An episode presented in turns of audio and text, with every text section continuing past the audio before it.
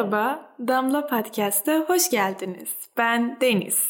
سلام به پادکست داملا خوش اومدین من علی هستم و این پادکست رو به کمک هم براتون ضبط می‌کنیم در این قسمت احوال پرسی رسمی و ادبی رو یاد خواهیم گرفت. ما توی زبان فارسی وقتی می‌خوایم یکم معدبتر باشیم یا یه نفر رو که نمی‌شناسیم باش سلام و افعال پرسی کنیم از در حقیقت افعال جمع استفاده می‌کنیم. سلام حالتون چطوره؟ خوب هستین؟ من هم خوبم و ادامه میدیم داستانو.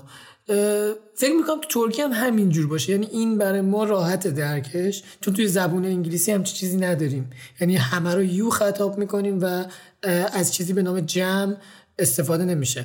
یه توضیح راجع به این میدی که توی ترکی از چه کلماتی برای سلام و احوال پرسی معدبانه و رسمی استفاده می‌کنیم؟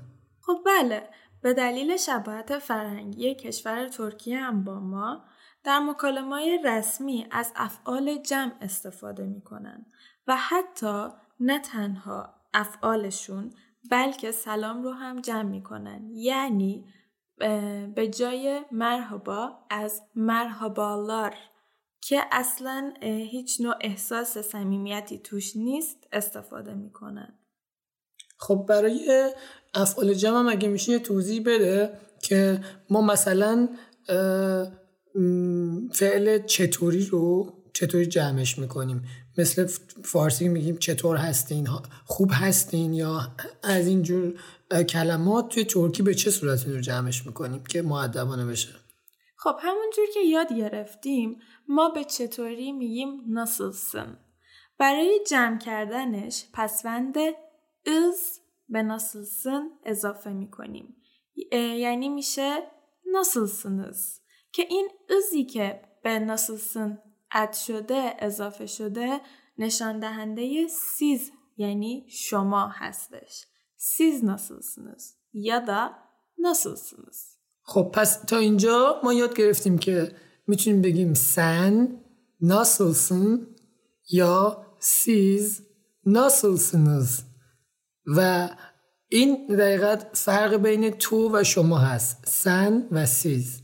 و نکته دوم اینه که nasılsınız دوباره این ı هستش i نیستش. دقیقا درسته. این که الان ما nasılsınız میگیم میشه دلیلش توضیح بدید چرا ناسلسن نیز نمیگیم از میگیم؟ به دلیل وجود داشتن هارمونی بین حروف صدادار در زبان ترکی ناسل سن میشه. چون وقتی می‌خوایم بگیم ناسل سینیس حتی به گوش خودمونم قشنگ نمیاد. ولی ناسل سنس همه پشت سر هم و قشنگیده میشه. یعنی اصلا اینو طراحی کردم برای زیباتر شدن کلمات که یه, یه نواخت بشه. ناسل سنس راحتتر هم هست دنگه هی بری از ا به ای. خیلی کار سختیه سویچ کردم بین این دوتا. درسته دقیقا. خب حالا من چه جوابی باید بدم وقتی که حالا یه نفر معدبانه از من حالم پرسید پرسید سیز ناسلسنس من باید بگم که منم خوبم ولی معدبانه تر باید جواب بدم یا نه؟ خب میشه در جواب nasılsınız گفت که sağ olun sağ olun یعنی سلامت باشین. sağ یعنی سلامت olun یعنی باشین. یا حتی میشه از iyiyim ya da iyiyiz استفاده کرد که iyiyim همونجور که می‌دونیم یعنی خوب هستم و iyiyiz یعنی ما خوب هستیم. یکم خب رسمی تر و معدبانه تر هستش. و باز میشه از تشکرلر اییم سالون اییم استفاده کرد. برای تشکر چیز دیگه هم وجود داره یعنی رسمی تر ما چون می‌تونیم بگیم تشکرلر سالون کلمه دیگه هم می‌تونم استفاده کنم؟ بله میشه از کلمه تشکر ادریم استفاده کرد. تشکر ادریم یعنی تشکر می‌کنم دقیقا مثل این میمونه که بگم متشکرم تشکر یا اینکه بگم تشکر می‌کنم فرقش در همین حده دقیقا درست خب ما الان من و تو شما رو یاد گرفتیم یادم گرفتیم که چطوری فعلش رو صرف کنیم اگه میشه برامون او آنها و ما رو هم توضیح بده او عین فارسی هستش ما میگیم او اونا میگن او. بیز یعنی ما.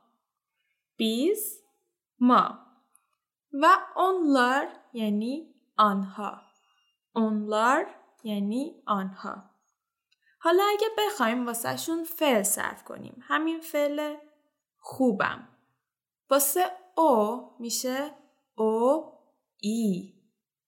واسه بیز میشه بیز ایز بیز اییz onlar iyiler onlar iyiler اوکی پس اگه ما بخوایم از اول اینا رو صرف کنیم میشه ben iyiyim sen iyisin siz iyisiniz o iyi ve biz iyiyiz onlar iyiler درسته؟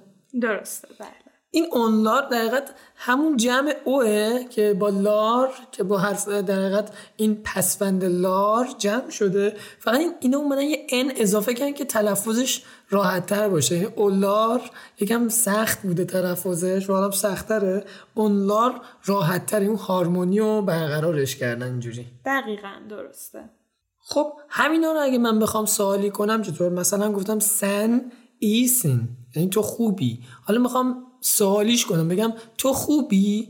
اینو چطوری باید سوالیش بکنم؟ نمی‌خوام بپرسم حالت چطوره می‌خوام بگم تو خوبی؟ سن ای میسین سن ای میسین در حقیقت یه می اضافه می‌کنه بین ای و سین درسته. این می نشان دهنده سوالایی که جوابشون با بله یا خیر هستش ما برای کلمه بله از evet استفاده می کنیم و برای کلمه خیر از هایر استفاده می کنیم. پس evet یعنی بله هایر یعنی نه. این هایر دقیقا همون خیر فارسیه که خ به ه تبدیل شده. هایر خیر. خیلی شبیه همه. درسته دقیقا. توی زبون فارسی ما یه سری کلماتی استفاده می‌کنیم مثل قربان سرکار سرکار خانوم اینا باعث میشه که مکالمهمون یه ذره حالت معدبانه و رسمی به خودش بگیره. توی ترک هم همچین چیزایی داریم. مثلا بتونیم بگیم قربان سرکار خانوم و یکم مکالمه رو حرفه‌ای تر کنیم. البته که داریم. مثلا برای قربان میشه از کلمه افندیم استفاده کرد. سرکار خانوم میشه هانم افندی. هانم افندی یعنی خانم محترم. و بی افندی یعنی آقای محترم. این افندیم کاربردهای دیگه هم داره ما مثلا گوشه تلفن رو برمیداریم بفرماییدم افندیم هستش درسته؟ صد درصد درسته خیلی خوب پس حالا بریم یه مکالمه کامل و که رسمی تر و معدبانه تر هست از ابتدا با هم گوش بدیم Merhabalar beyefendi. İyi günler hanımefendi. Nasılsınız? İyiyim efendim. Siz nasılsınız? Sağ olun beyefendi. Hoşça kalın. güle güle. مرسی که به ما گوش دادین تا قسمت بعدی görüşürüz.